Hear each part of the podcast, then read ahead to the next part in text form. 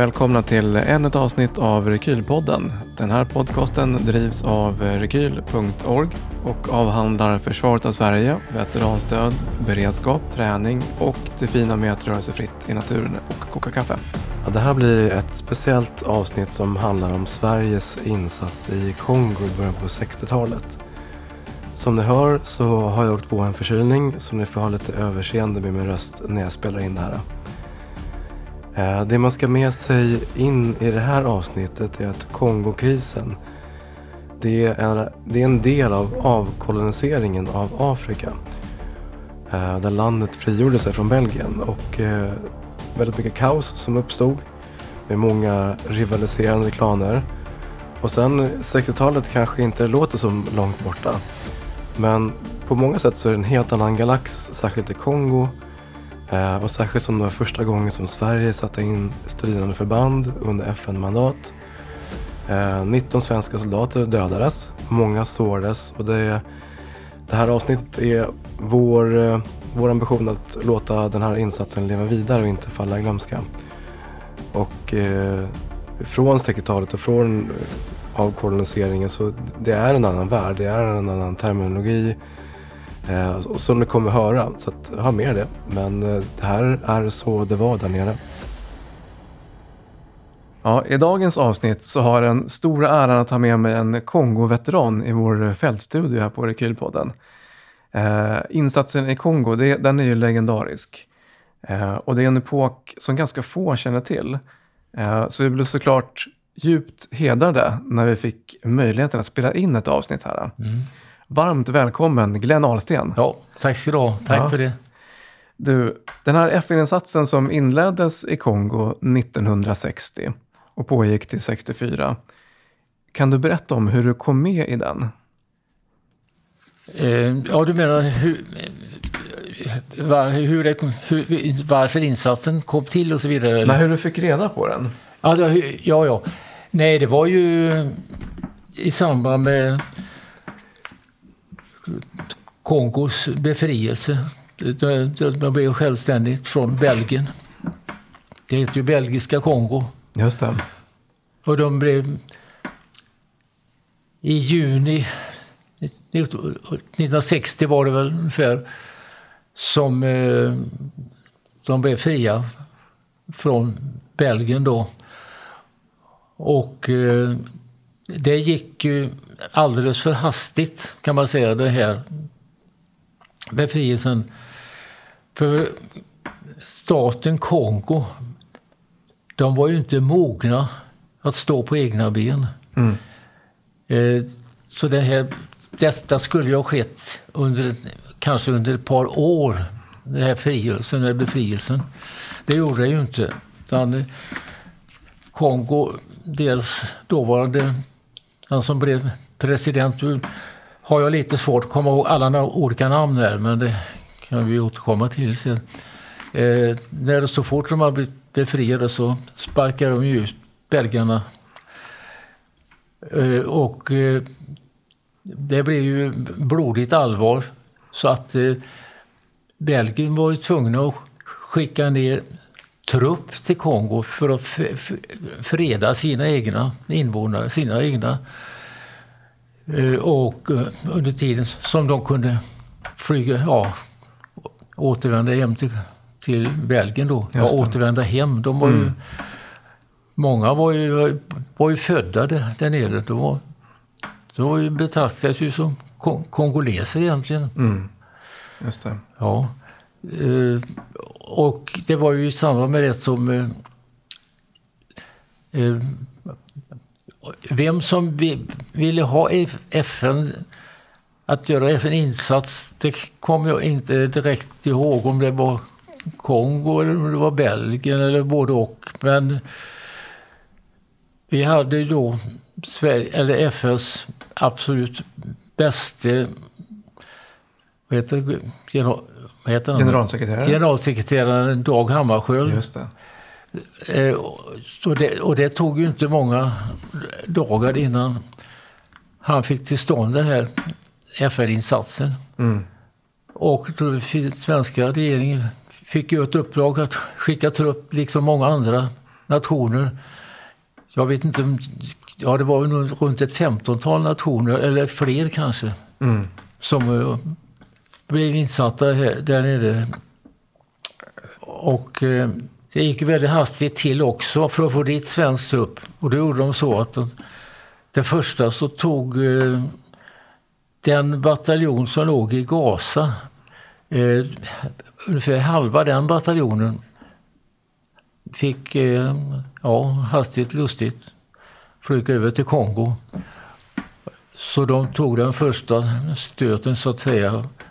Och då fick de bygga upp eh, kamp helt själva. ja, då fick vi, ja, de, det, ja det, det fick de, eh, ja egentligen inte för de hade ju en sån tur kan man säga att efter en tid så eh, de,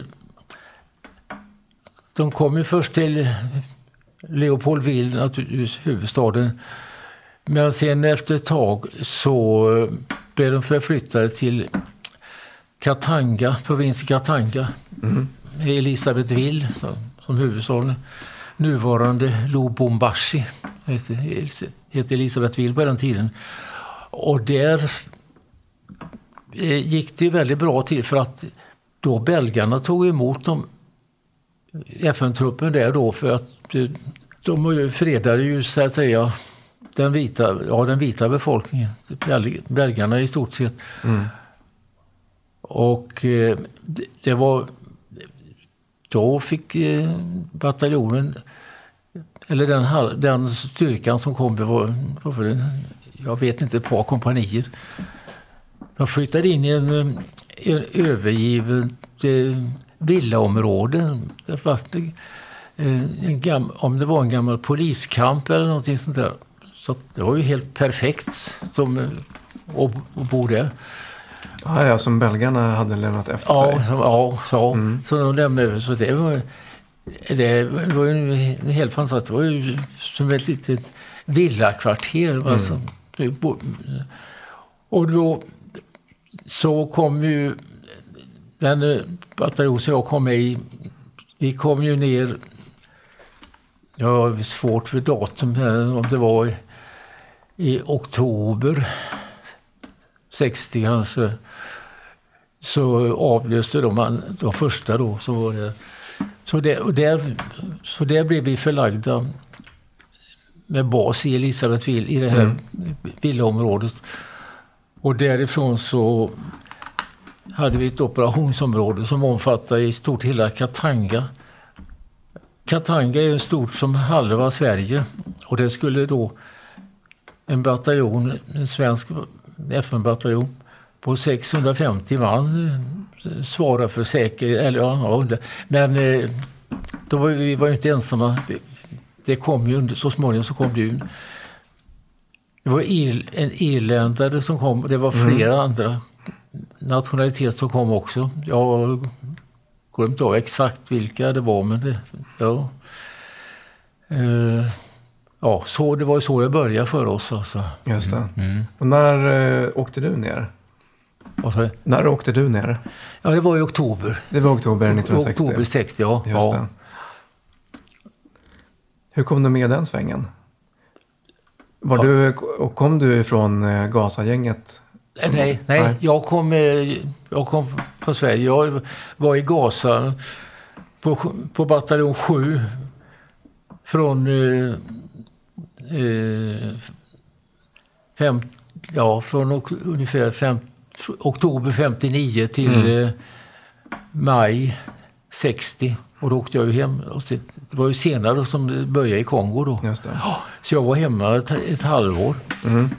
innan jag följde med tian till Kongo. Det. Det, det var ju den första, eh, riktiga, den första bataljonen som sattes upp för insats i Kongo. Mm. Ja. Hur var, om du jämför med Gaza till exempel, hur var det att komma till Kongo? Ja, det var...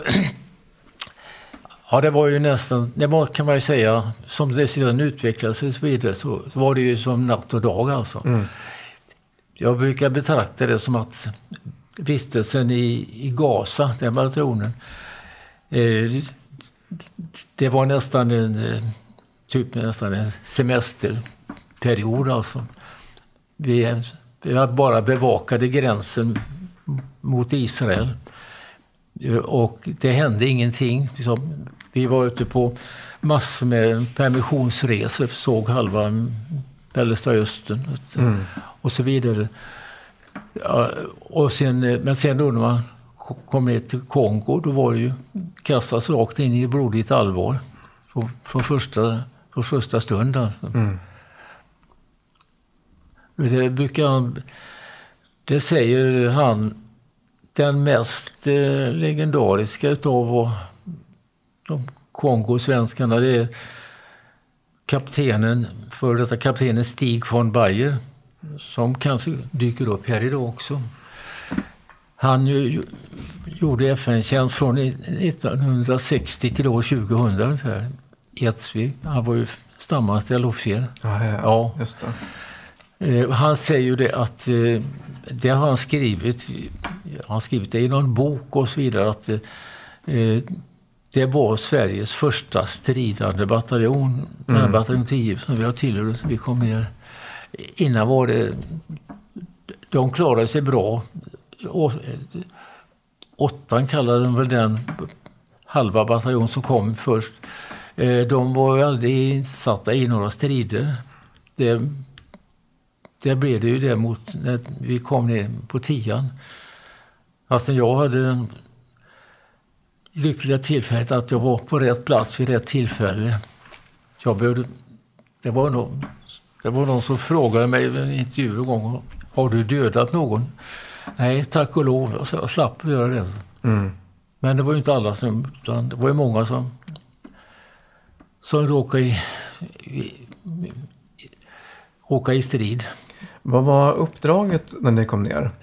Ja, uppdraget var ju att eh, eh, det var väldigt, i och med att Katanga bröt sig loss från det övriga Kongo och då eh, och det var ju belgarna som låg bakom. För det, och det var ju, Katanga var ju den det är den rika delen av Kongo med alla gruvor, alla mineraler och mm. sånt där. Koppargruvor, och guld och diamanter och ja, och så vidare. Eh, då när, innan vi kom så, så var det ju, blev det ju bråk, stridigheter, jag vet vad ska uttrycka det. Eh, det är ju så i i hela Afrika. Det är ju det är ett konglomerat av olika befolkningsslag, eller folkstammar egentligen. Mm. Bara i, det mest kända i Kongo och många ställen är ju Baluba. Just det. Och de var, i förhållande till de andra så var de ganska högtstående folk faktiskt. Men eh, de de vill ju ha det för sig själva. De gillar ju inte att belgarna hade lagt beslag på den, på den delen heller. Mm. Så att... Eh, så de kommer att vilja ha tillbaka vi, fick dem? Ju hjälpa, vi fick ju gå Belgiens ärende så att mm. säga. I, och hålla fred, eller ja, få oroligheterna där. Just det, var konflikten mellan olika ja. stammar? Ja, det var, var olika mellan... stammar och eh, även då mot eh, belgarna. Så, Just det. Ja. Även om belgarna drog sig ur så att säga? Ja, då, eh, belgarna, jag menar, de, de, de hade ju... Det var ju de som härskade mm. hela landet. Eh, men eh, speciellt i, i städerna givetvis. Men det, så var det ju också att det var inbördes strider mellan de olika mm. stammarna. Och det var ett av de första större uppdragen som, som vi åk, åk, åkte ut på när vi från Elisabethville. Jag tror inte vi låg där nere. Vi låg nog nere på kampen bara en vecka eller drygt där. Och sen så åkte vi ja, 50 mil norrut till eh, Nu har jag ju glömt av, glömmer jag av namnen alltid naturligtvis. Eh, eh, till en liten ort eh, vid Lac Moero, Moerosjön. Eh, därifrån, där låg vi. Eh, för då var det oroligt just i den trakten. Där hade Baluba bränt ner flera mindre byar. Ja, kanske var byar som bestod av eh, riktiga hus. Det var inte, inte hyddor utan det var riktiga hus som de hade, de hade överfallit och eh, fördrivit eller dödat invånarna. Mm. Bränt husen och så vidare. Så vi, vi fotograferade, vi såg. De hade skrivit eh, typ politiska slagord mot varandra på swahili på, på väggarna där. Mm. Och det, så att, och det, då hade vi, gjorde vi patrulluppdrag därifrån runt om i området under ganska lång tid. Eh, vi kom ju dit, vad kan det vara, slutet på oktober eller början på november. Och då var det fram, så hörde vi framåt nyår, då så gick det rykten om att Baluba skulle anfalla igen andra byar. Så att då, då skulle vi sätta stopp för detta. Och det var ju, det var ju det för, den första stora riktiga insatsen vi gjorde för att hålla fred eller mm. stilla oron i, i den regionen där. Var ni ensamma som svenskar eller hade ni andra styrkor med också som irländare? Vi, där var vi själva. Där var ni själva. Vi var bara en pluton. Okej. Okay. 30 man för. Ja.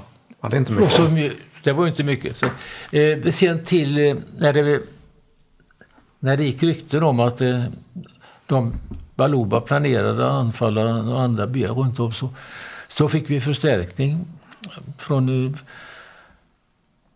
eh, från Elisabethville. Då, då kom eh, ytterligare någon del av eh, kompaniet och kompanichefen kom upp och så vidare. Och då skulle vi eh, göra en räd mot Baluba fästet, eller ja, där vi trodde att de fanns. Eh, och det visste vi att det var en liten man kan knappt kalla det en by, det var en samling hyddor.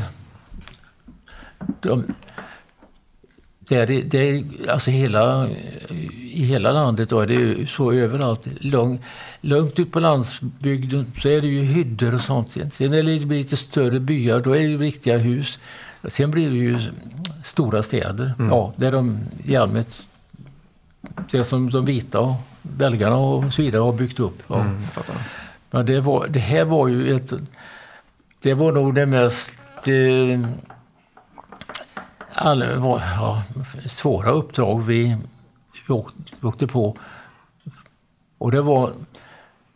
Då gav vi oss iväg nyårsafton eh, 1960. Skulle vi ta oss fram till den här området, den lilla byn, där, där som Baluba höll till.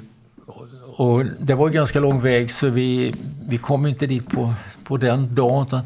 natten mellan eh, nyårsafton och nyårsdagen då låg, då låg övernattade vi ute ut i bushen. Alltså. Mm. Låg där och skulle försöka sova lite och hålla vakt lite. Sova det gick ju inte. Nej, fattar. Alltså, I naturen det, mm. det är fullt av ljud. Man, man låg hela tiden och spanade ut. I, i, trodde att det var någon som rörde sig där.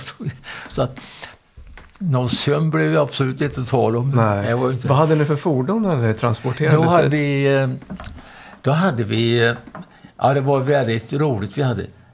Eh, vi, kan, vi hade några gamla konstiga eh, stora skåpbilar, eh, eller vad man ska kalla det för, Ford, Ford nästan lastbilar den var, den var inte så stor, men på sidan var inga dörrar utan det öppnades hela jävla sidan på fordonet. Alltså, mm. Stora lemmar man fällde ut där. Ja, det, vad var det kallade jag kommer inte I, I alla fall, det var, det var fordon. Vi kunde ta oss fram med dem, men eh, vi, gjorde snart, vi gjorde slut på dem fordonen ganska snart senare. Ja, jag kan tänka mig ja, det. Alltså, vi fick ju då, vi hade väl någon par mindre jeepar också. Mm. På gamla Willys-jeepar från andra världskriget ungefär. Ja, ja. Det stort sett så. Och det, ja, i alla fall, vi, vi fortsatte på morgonen på nyårsdagen. kom vi till en liten bäck ja, vi, där vi gick ju köra över. På den andra sidan så, så var det en eldstad, det rök lite rester. Då var det, hade suttit en, en, vakt, en post där men han hade ju stuckit så fort han hörde oss på långt håll mm. när vi kom med bilarna. Så att vi förstod att eh, då var vi ganska nära. Sen var det ganska roligt när vi kom fram, närmade oss den här byn. Då, då, kom, då fick vi gå ur fordonet, kunde inte köra längre. Utan eh, vi eh, fortsatte genom bushen där här är ett kort ja, som fanns i, eh, jag vet inte vilken tidning det var, men det var i flera tidningar. Just det, där det står Uppdrag i Balobas land. Och... Ja. Och där ser man, på det här kortet ser man då, det kommer i gående här kommer det en gruppchef, en, furir ser man, och så en kille med kulspruta.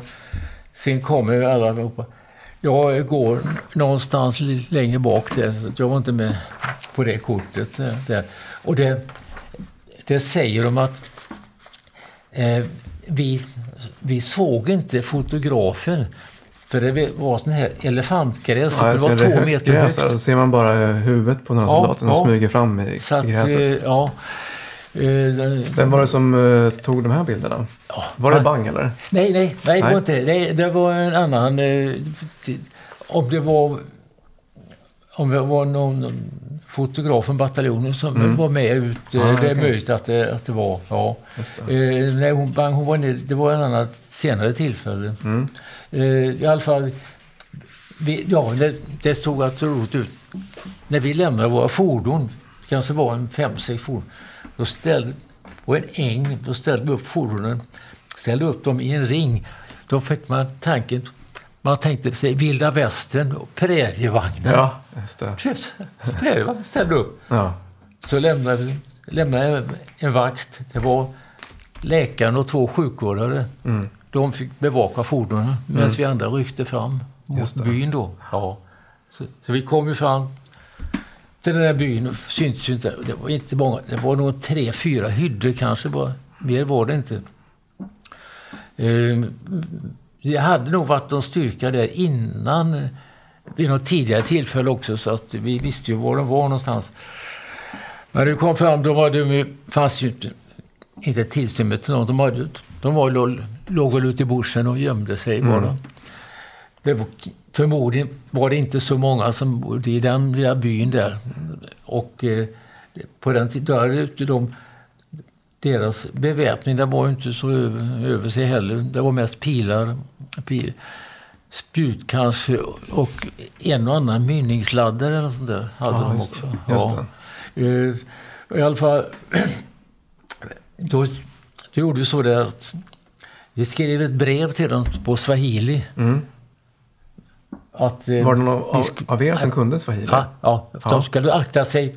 Nu, nu är FN här så nu... Det, inga mera, inga mera, för då kommer FN tillbaka och straffar er ja, mm. på ett språk som de förstod då. Och så satte upp den på en hydda. Sen en annan hydda för att demonstrera vår slagkraft. Ja, först tog vi all, hela hur många vi nu var, kanske 50-60 man eller någonting, så avlossade vi en k-pistsalva upp i luften. Alltså, så mm. Det hördes ju ganska långt. Och sen så tog en, en, av, en av plutonchefen, en löjtnant, tog sin, en handgranat slängde in den i en hydda, hyddan på ett par små smulor. Ja. ja det. Så det är, ja, det är språk som de förstår. Alltså. Mm. Ja. Men då visste ni att de här var ett gäng som hade skövlat andra byar? Ja, ja visst. Ja, ja. Det var ju... Det var ju, det var ju naturligtvis eh, fler. Man vet ju inte hur många... Hur vidsträckt detta var och hur många Baluba det fanns i det här området. Men de hade ju attackerat då andra eh, byar, eller små bostäder, riktiga bostäder mm. i närheten av den här staden. Poeto hette den förresten. Mm. P-W-E-T-O. Jag hade turen, eller konstigt, för några, några år senare, ganska långt senare, så talade jag med en, en en FN-observatör. Han hade varit just i samma by. Ja, okej. Okay. Ja, Samtidigt? Ja, nej, nej, inte, nej. nej, ett senare tillfälle. Mm. Och även en representant från en välgörenhetsorganisation som finns i Afrika. Det finns ett par olika. Eh, den heter på engelska, jag kommer inte riktigt ihåg, men någonting om Flying Doctors eller någonting sånt där. Mm. Med en svensk kille. Han hade också varit i den här staden, Nej. Poeto. Den är inte så liten alltså. Nej, Den var ju så pass stor så det fanns, så vi såg, det var bilder på en, en bensinstation hade varit där. Mm. Man såg skylten, Fina, ett belgiskt oljebolag som heter Fina. Mm. Skylten såg vi i alla fall.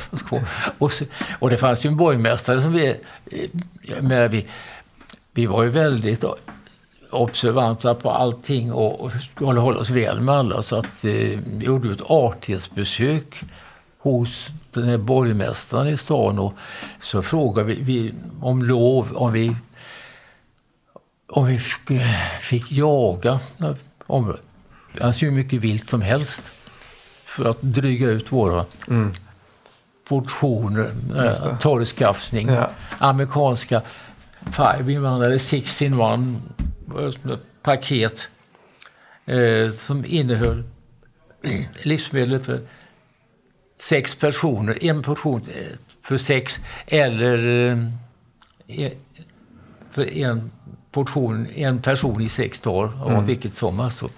Det fanns allt i den där livsmedelsförpackningen, torrskaffning, inklusive cigaretter och tändstickor. Så. Ja, du ser. Faktiskt. Det var andra tider. Ja, ja. lustigt. ja, nej, så efter den upp, så att säga, lilla operationen så um, låg vi då kvar där ett tag till men eh, sen fick vi åka tillbaka till huvudstaden Elisabethville. Mm. Det var ju ganska konstigt, 50 mil alltså norrut och vi klarade, jag tror vi klarade på en dag.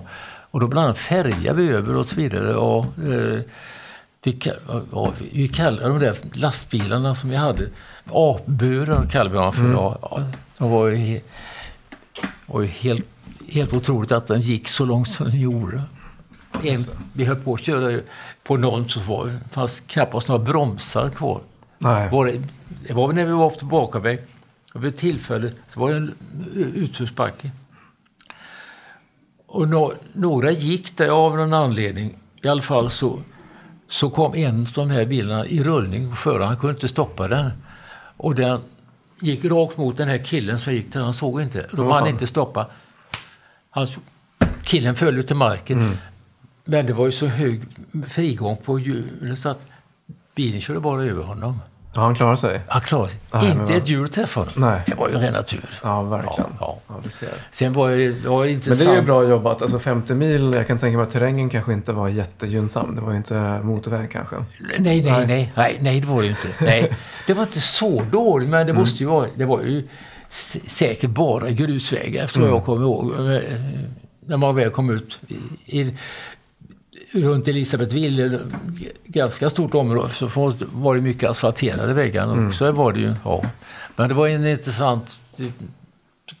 När på vägen tillbaka där så, så stannade vi till och hälsade på, på en eh, missionsstation. Jag vet inte vad det var för nationalitet på dem. Det var några några kvinnliga några missionärer där i alla fall som vi, vi bjudna på, de bodde på. hade en fantastiskt stor fin villa uppe på en höjd. Och, och jag brukar tänka på det för att sen eh, några år, efter något år, ett par år, då det blev ännu mer oroligt där, då gick ju, jag vet inte om det var Baluba eller vilka det var, så gick det anfall, de brände ner mission, mm. dödade missionärerna, brände ner dem. Ja. Så att jag brukar tänka på det att eh, ja, det var inte, den, de, hon, hon, levde säkert direkt där, ja. Nej. Nej. De träffade på två norska missionärer, två, två biskopar. Mm. Och eh, det var ett läge då, då vi skulle försöka rädda missionärer. Och det var egentligen en mans förtjänst och det är han Stig von Bayer. Mm. Han är ju väldigt omtalad. Han och en, en annan helikopterpilot, Torvald Glans, de, de gjorde fantastiskt många räder, alltså räddningsuppdrag och lyckades få rädda ett, flera missionärer. Mm. I ett tillfälle så man ser på en bild som tagits från ett flygplan. Där hade missionärerna skrivit eh, på stora bokstäver på taket om det stod Help eller Rescue eller någonting sånt där. Mm. Eh, sen nästa dag när de flög över där, de, hade, de skulle försöka dit och rädda. Nästa dag så var den bränd, nedbränd. Ja, det ser jag. Och det fanns inga kvar där. Nej. Men de, de här två Eh, det är väl två av de svenskar, vad jag vet, som eh, bland de få som har fått eh, Vasamedaljen av kungen. Mm. Han kommer hit imorgon. Ja. Förmodligen. Just det. Jag är inte säker, men jag hoppas det. Ja. Ja. Ja, om honom finns det så mycket skrivet så att ja, det är helt otroligt. Alltså. Ja. Ja, det var en, en sak. Men, nej, men så... Eh, det var ju det, den uppdraget vi hade där. Sen låg vi eh, tillbaka i lite, till lite bit. Då på den tiden, då i början, då var vi ju där med, med belgarnas goda minne och så det vi ska inte umgicks kan man inte säga, men de hade ett fint, ett fin badanläggning där vi kunde mm. åka och bada och sådär. På kvällarna, vi, om vi var om vi inte var i tjänst eller vi var lediga så kunde man gå på en barrunda i, i stan här alltså. Det, det var... Ja, det är lite kontrast där. Ja, det var, så det var ju ett, var ett ett eldorado för killar i, i 20-årsåldern.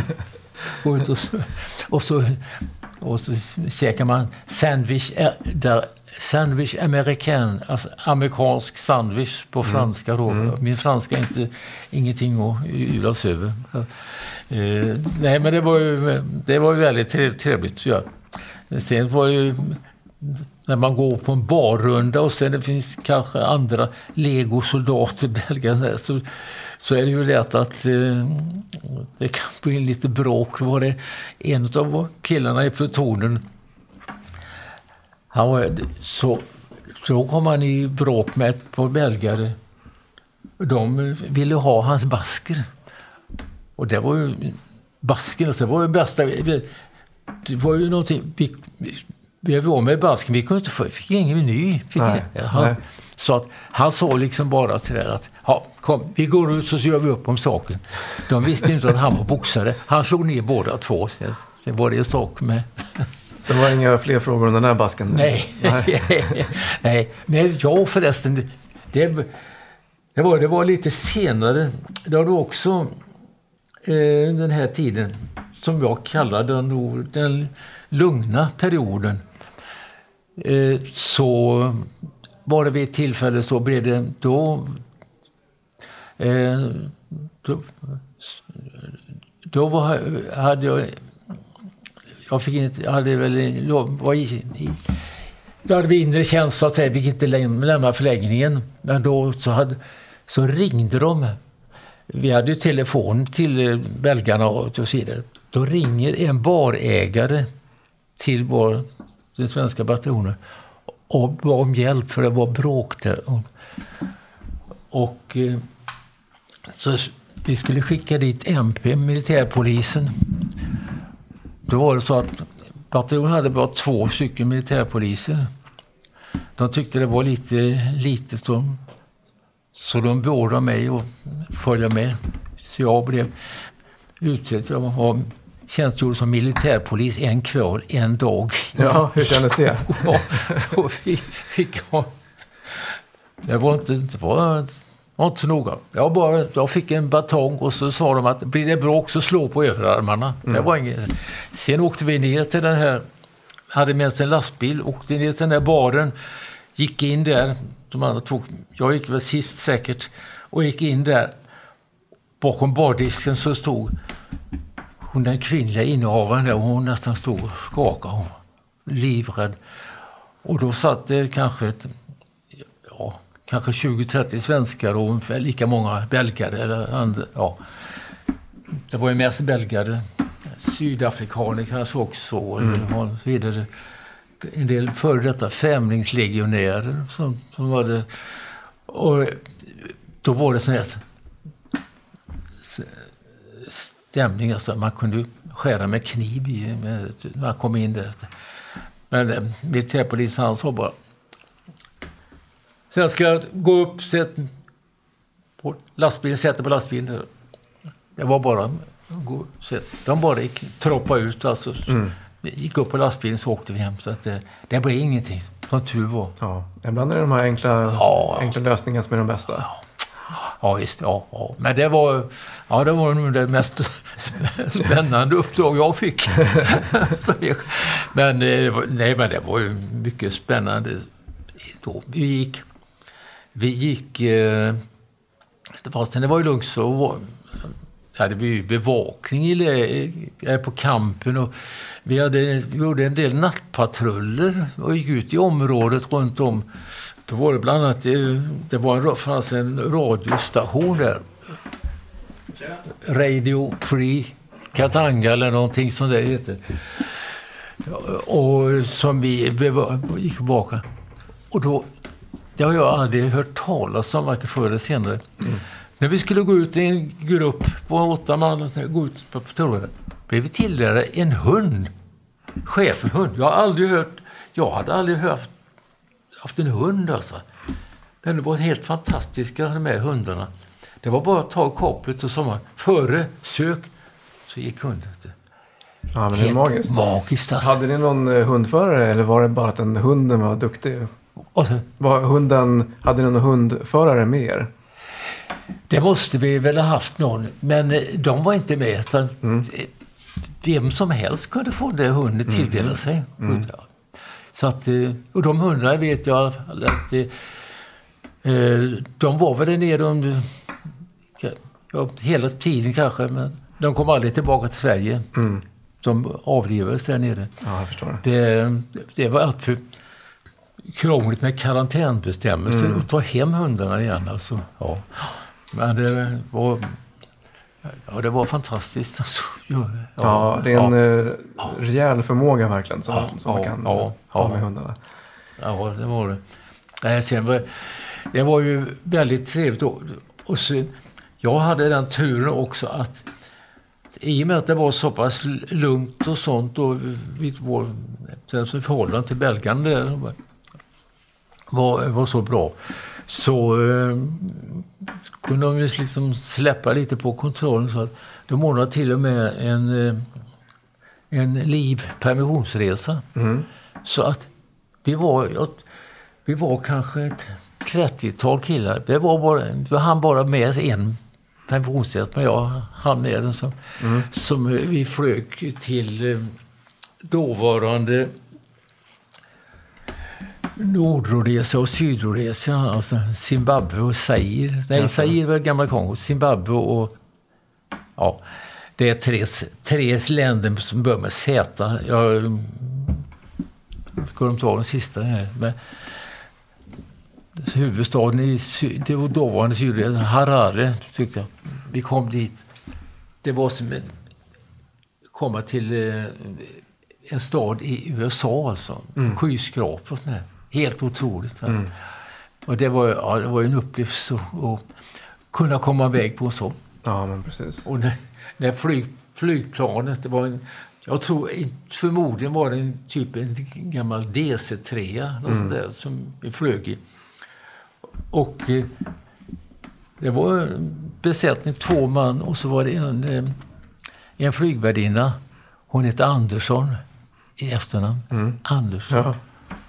Då var det, hon var inte svensk, men hon hade varit gift med en, en svensk kille. Men han mm. hade omkommit i en flygolycka. Mm. Men hon fortsatte att flyga. Mm. Ja. Så att jag har kort på henne då. Så jag och en annan kille, vi står på sidan håller om den här tjejen. det var ju trevligt. Ja. Och sen när vi flög, piloterna de skulle ju tänka, de måste ju visa oss Afrika och så vidare. Så vid ett tillfälle så fick piloten se, han fick syn på en flock elefanter. Så han la den där gamla DC bara i en dykning ner mot... Så, så vi skulle se elefanterna på det håll. En kille, han blev han klarade inte det. Så att han nästan, jag tror han svimmade på planet. Vi fick ge honom syrgas in i, i, i planet i alla fall. Så, men det gick ju bra. Och, ja, det var ja, andra regler på den tiden. Ja. ja. Var, och, och vart vi än kom där så, så blev vi ju vi fantastiskt mottagande. Mm. Vi åkte ju så här. Ja. ja. På en stad det var nog i Nordrhodesia. Då, då besökte vi av någon anledning en, en polismäss, deras polis. Och de, de tyckte jag var... De hade aldrig sett en soldat tidigare. Så, mm. så de bjöd ju oss. Och det var ett supande utan dess like. De här belgiska, eller vad det nu var, poliserna där de, de drack whisky och blev fulla, rätt bra berusade. Vi, vi drack bara öl. Och, och vi blev inte berusade. Så, sen så, på nattkröken så, så var det bara att hoppa in i en polisjeep så körde de med. Jag gick på två hjul genom kurvorna. Vet du. En stupfull polis som körde oss. Ja, ja, och I en annan stad så, ja. Det var nog huvudstaden, det var nog, om det var Harare. När vi kom dit så eh, då togs vi emot av någon ja, polisrepresentant eller någonting sånt där. Och då sa han så här. Så, ja, ni får göra vad ni vill. Ni får riva hela stan. Men ni får inte umgås med svarta kvinnor. Mm. Det var förbjuds. Just det. det behöver de inte säga. Nej. Det, var, det var inget... Det var också andra tider. Ja. Men, och, och, vi bodde det hotellet vi bodde på, jättefint hotell, mm. så satt det en kväll satt en sydafrikansk eh, ja, plantageägare eller någonting sånt där. Han satt där och skroderade. Så, då Only good kaffer is a dead kaffer. Hans dotter var med. Hon skämdes ögonen ur sig för mm. pappa. ja. Jo, nej, så det, var, det var en fantastisk resa. Ja, men verkligen. Och du var med om en episod där Major Bonde var med också. Vad sa du? Var med om en episod där Major Bonde, den här ja, bilden ja, ja. på... Ja, ja. ja. Vi var ju så... Det var, det var väl i slutet på perioden vi var då eh, då det strider hade tilltagit mellan eh, belgarna och eh, Baluba som mm. härjar lite överallt. Och då fick FN i uppdrag att repatriera flyktingar vi skulle, med tåg från ja, en ort till en annan ställe. Och det var det, var det här som de kallar för de, här, de kallar för det berömda Luena-tåget. Eh, jag var med bara på e-, en sån resa. Eh, det var, de hade gått några gånger. Det hade gått bra. Men så var det en och så hade de, hallå, hade de rivit upp rälsen. Och eh, då... Och så, så låg de och lurpassade på. Och då var det pilar och mynnings, gamla mynningsladdare och sånt. Och med, med svenskarna... Det var ganska lätt att försvara sig med kåp och så vidare med, med väpning. Men i alla fall, då var det då blev två majorer, major Bonde och major Skog, blev skadade.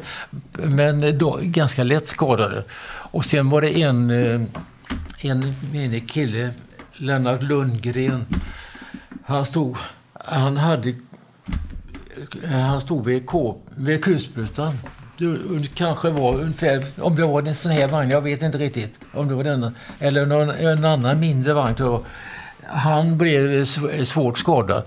Så att den killen som var bredvid, som, var, som laddade till kulsprutan, han fick upp, hoppa upp och skjuta tag kulsprutan. Och den killen, honom har jag träffat här sen. Han förmodligen kom, hoppen, han kommer imorgon också. Mm. Honom har jag träffat. Det måste man ju berätta också. Det var ju helt otroligt. Alltså den, den där killen som, jag har glömt av hans namn, men han bor inte så långt här bort. Han bor närmare Stockholm. Men i alla fall, Eh, när, när kan det ha varit? 20-25 år efter jag var i Kongo så var min fru och jag på, på en semesterresa till Kina. Och det var den som ordnade den här resan, det var eh, det här Malmöföretaget, eh, eh, vad heter det nu, som, som de eh, ger ut en massa böcker och lite varje. Du vet nog vad det är? Mm, ja. är det ett förlag eller? Ja, ett förlag. Ja, ja, ja i alla fall. Eh, som ordnade den här resan. Och jag inte med det. Vi åkte på den här resan, vi kände inga andra. Så en dag så ska vi åka buss till eh, kinesiska muren. Och, och då satt jag satt jag med jämte en kille som jag inte hade sett. Min fru satte sig bakom sätet och där satt hans fru. Så började vi prata då. Så säger den här killen. Jag har varit i Kongo. Ja, det har jag med, så. Mm. Ja, när då? Jag har varit runt till... Vad säger? Så? Vi, vi har varit i Kongo samtidigt. Mm. Inte träffat varandra. Nej. Men klart, vi var över 500 ja, man i Kongo. Så ja. man lärde ju inte känna alla. Mm. Men träffa en kille den, eh, på en resa i Kina som man varit tillsammans med i, i Kongo. Alltså det. Det. Ja, det är ganska otroligt. ja, men det var roligt att se den kinesiska muren. Mm. Men jag, jag nästan skadade mig där. För vi, man kunde gå på två håll på kinesiska muren. Antingen gå till vänster, det var lite jobbigare, svårare. Eller också kunde man gå till höger, det var lite lättare. Alla från bussen Utom jag gick till höger för att mm. jag tänkte det här är enda gången jag kommer hit. Jag gick tog den svåra vägen. Men det var jävla höga trappsteg till slut. Och då jag den konstigt, eller jag går alltid med, med vänster fot först när jag ska upp några trappor. Så jag eh, nästan fördärvade mig i höften. Jag, jag fick ont i det. Ja, det, det gick över sen, mm. men, men det var en minne av resan. Ja. Minne av kinesiska muren. Ja, så då var det med det. Ja, nej men äh, återvända till, till äh, de här repatrieringstågen då. Som gick bra i början och så då de äh, blev skadade. Eh, överfall då när major Skog och Bonde blev skadade. Den här killen, Lennart Lundgren, kommer jag ihåg, av en konstig anledning kommer jag ihåg namnet. Han fick dem eh, eh, fick, tog, kom en, tog en helikopter. Hade ju så pass, så pass eh, eh ordning på så det hade vi satt. De tog honom med, med helikopter. Och, men då, och det finns, det, det, finns ja, det är en bild speciellt. Jag, jag, har nog inte, nej, jag har nog inte den bilden. Där major Skog med bara överkropp och så har bandage om, om, eh, runt midjan ungefär. Mm. Och då säger de så här att eh, ja, han, när de hade förbundit honom var han hade lugnat sig så fick han cigarett och sådär. Och under tiden så pågick striderna där. Just det. Men det var bonde? Och då, han blev fullständigt vansinnig. Bonde var ju, ja. ja. Då, de högre befälen, majorer och sånt, de hade i allmänhet bara pistol. Mm. Han, major, bonde, han får upp för helvete, ge mig en k-pist, jag ska döda de jävlarna. Så tar en kopp, så springer han ut i bushen skjutandes salve bara. Vet du. ja, och då hade han, då hade han eh, hunnit bli eh, omplåstrad också? Ja, visst. Ja, han var ju omplåstrad och sånt då. Jaha. Han var ju så lite skadad så att eh, det gjorde honom ingenting. Nej. Men, men det, så det, det, det, det är ju stor Ja, den glömmer man ju inte. Nej, jag kan ja. tänka mig att hela ja. den långa Kongoinsatsen är som fylld av den här typen ja, av ja. scenarier. Men det, lustiga var också att eh, vi hörde ju inte talas om det, vi som var kvar i, i, vid kampen. Men sen var det då, nästa gång var det vår tur att och, eh, åka med det här tåget. Mm. Och då, det, de hade väl flera tåg de kunde köra. Halvvägs upp till slutstationen där, där vi, vi kom. Jag vet inte hur många mil det var, säg att det var 30 mil från Elisabeth till Luena. Halvvägs då så möter vi de som på väg tillbaka, de som hade blivit överfallna. Mm. Och vi möttes vid en station och de, alltså de var nästan, ja, de var skakade allihopa fortfarande. Ja, det är ett helvete, ni blev ni blev dödade eller sånt där. Så, finns andra så fan så farligt har det väl inte varit. Vi visste ju inte vad som hade mm. hänt alltså. Men oss hände ingenting. Vi kom till den där stationen i Luena. Låg där i ja, alldeles för lång tid, var flera veckor i alla fall. Och det var väldigt obehagligt därför att Eh, Katanga, det är väldigt, det är väldigt bra, fint klimat där. Nästan som svensk högsommar. Mm. Ganska högt, 500-600 meter över havet. sånt där. Men den här stationen Luena, den låg ganska lågt där. Och det var en väldigt hög luftfuktighet. Vi försökte skölja upp, tvätta våra kläder, hängde upp dem på tork. De mm. torkade inte. Nej, för fuktigheten. Nej. Nej, precis. Så att, eh, det, var, det var jobbigt och, och, uh, ligga där. Mm, Men uh, det, det, det gick ju. Så vid ett tillfälle så kom det några, eh, några belgare synade. Ja, han hade gjort ordning på alla kort. Ja, det, jag hade inte tillfälle till det. Så, men, eh, det kan vara ett senare tillfälle. Eh, då kom eh, ett gäng belgiska lägger ner det belgare. Och eh, då var de på... Då var de... De skulle göra en räd mot Baluba på hotellet. Och då gjorde, fick våran, vår, eh, vår plutonchef eh, han har ett väldigt speciellt namn också. Kapten Wilhelm Berg von der Linde. Det var ett namn som mm. Ja. Han hade varit han hade tjänstgjort på jägarskolan i Kiruna och fallskärmsjägarskolan Just det. Ja, så han var, han var omtalad alltså. Ja. Men eh, vi gillar honom. Mm. Han var suverän. Ja, han, tyvärr, han är ju död nu. Så, ja.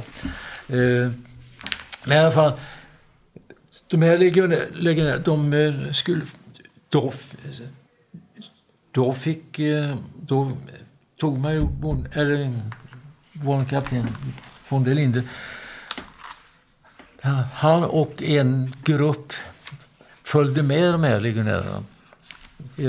Tyvärr så fick inte jag chansen att följa med, med över. Eh, de, de var bara ute. De, de, jag vet inte, det hände ingenting. De, eh, de var med, dem eh, i alla fall och så vidare. Det det var, och där var det... Och här är det... Fan, ja, Det, det är... Just det, några utklipp från en eh, tidning här. ja, det är också ett klipp. Så det är, sam, från samma, det är från samma tidning. Mm. Det, är, det är samma bilder där. Liksom, där är bland annat... eh, Där är vår eh, bataljonschef, översten Anders Källgren. Från, mm. från Sjömarken utanför Borås, där jag bor. Just ja. Ja. Och så en Baluba-hövding, Jason Sendve. Han, och man förstår att han var ju en ganska intelligent kille. Skolad, antagligen skolad i Belgien, skulle jag tänka mig. Ja, Ja. han står här i Så kostymen. att, ja. Men, men så... Här är det här tåget.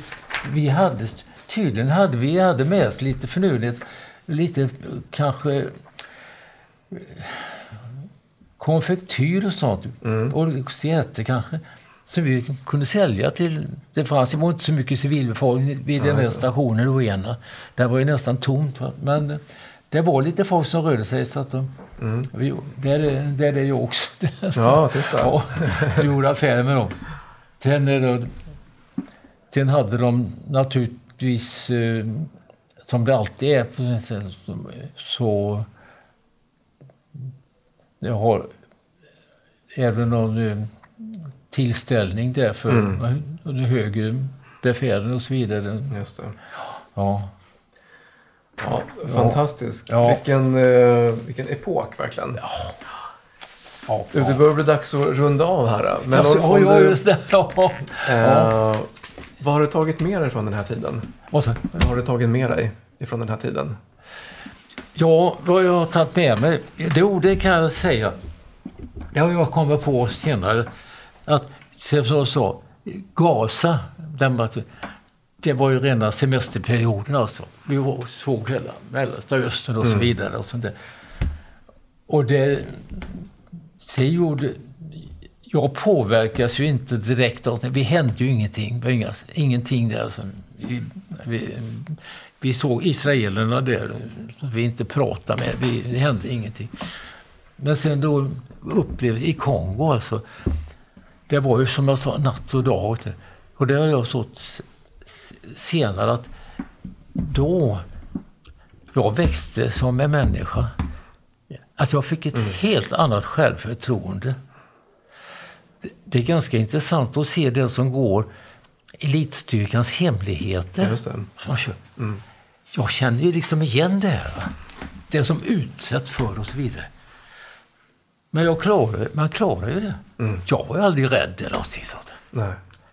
Och det, så att jag, jag var en helt annan människa efter det. Ja, jag kan Än tänka jag var innan. Jag kan tänka mig referensramen mot Sverige också. Och Ja. som Europa. Det blir så Ja, ja. ja. stor kontrast.